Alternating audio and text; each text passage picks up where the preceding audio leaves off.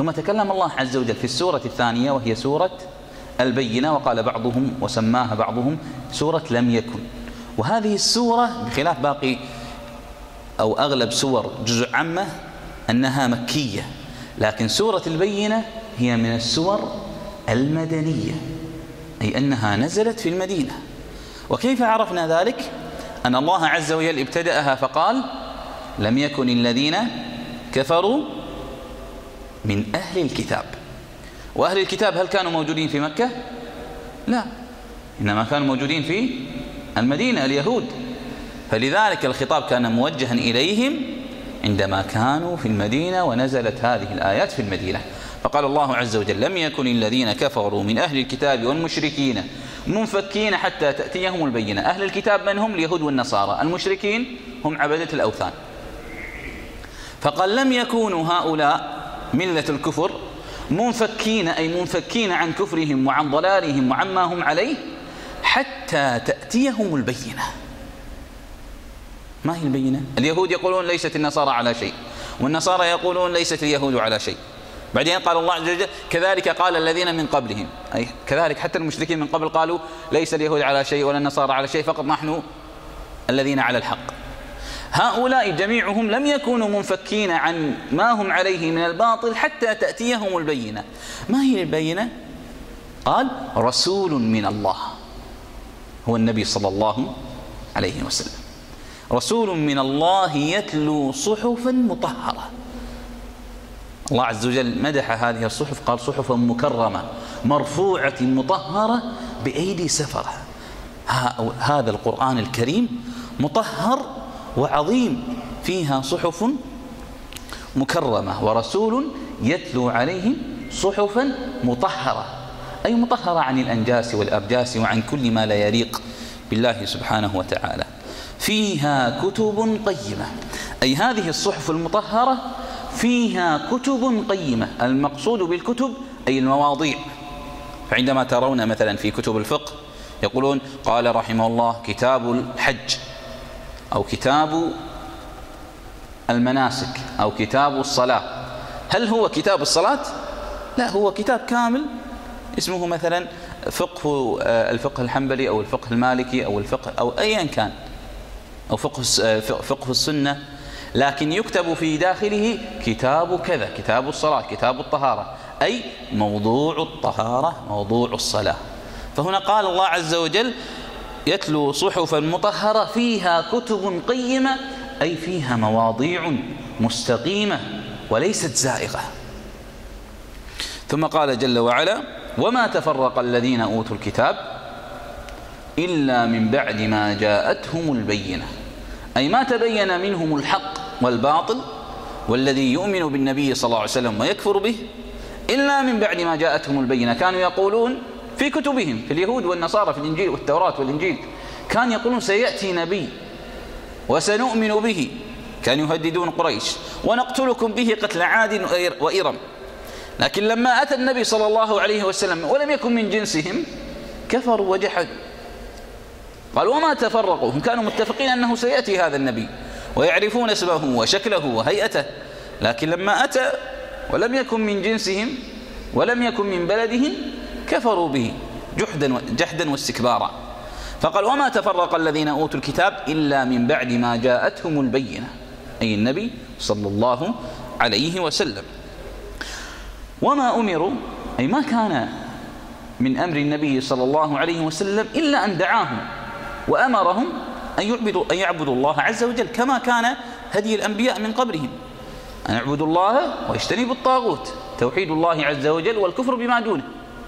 قال وما أمروا إلا ليعبدوا الله مخلصين له الدين حنفاء. الأحنف هو الذي تكون في رجله ميل ويقال رجل أحلف أو دين حنيف ويقصدون به الميل عن كل الباطل إلى الحق. الميل ملة إبراهيم حنيفا وما كان من المشركين وما كان من المشركين معناه أنه مال عن الشرك إلى الحق. مال عن الشرك إلى الإسلام. لذلك كان ملة إبراهيم الحنيفية السمحة. قال وما أمروا إلا ليعبدوا الله مخلصين له الدين حنفاء أي مائلين عن كل الكفر إلى الإسلام والاستسلام لله عز وجل. ولا يكتفي فقط الإيمان. قال ويقيم الصلاة. فالإيمان قول وعمل. ويقيم الصلاة ويؤتوا الزكاة وذلك دين القيمة. أي هذا هو الدين الحقيقي وهو الدين القيم عند الله. إن الدين عند الله الإسلام. ثم ذكر الله عز وجل قاعدة عظيمة. قال إن الذين كفروا من أهل الكتاب والمشركين في نار جهنم خالدين فيها أي أبدا خالدين فيها أولئك هم شر البرية. حكم من الله. إذا قيل لك من هم أفضل الناس وإذا قيل لك من هم شر الناس فاقرأ هاتين الآيتين. إن الذين كفروا من أهل الكتاب والمشركين منفكين والمشركين في نار جهنم خالدين فيها أولئك هم شر البرية. إن الذين آمنوا وعملوا الصالحات أولئك هم خير البرية. البرية هي المخلوقات. ومنها استقى العلماء أن شر الناس خلقة هم الكفار. وأفضل الناس خلقة هم المؤمنين. لذلك فضل العلماء ورجح أن المؤمن هو أفضل عند الله عز وجل من الملائكة.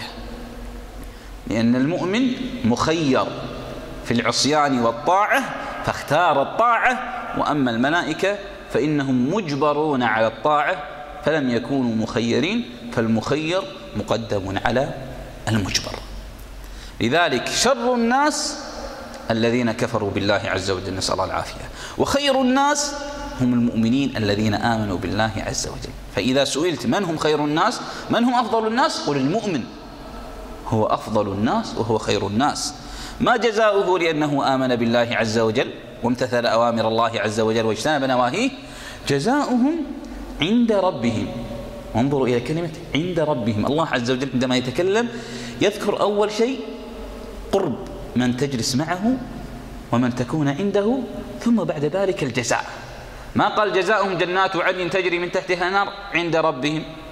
امرأة فرعون ماذا قالت؟ قال رب ابن لي بيتا في الجنة ولا ماذا قالت؟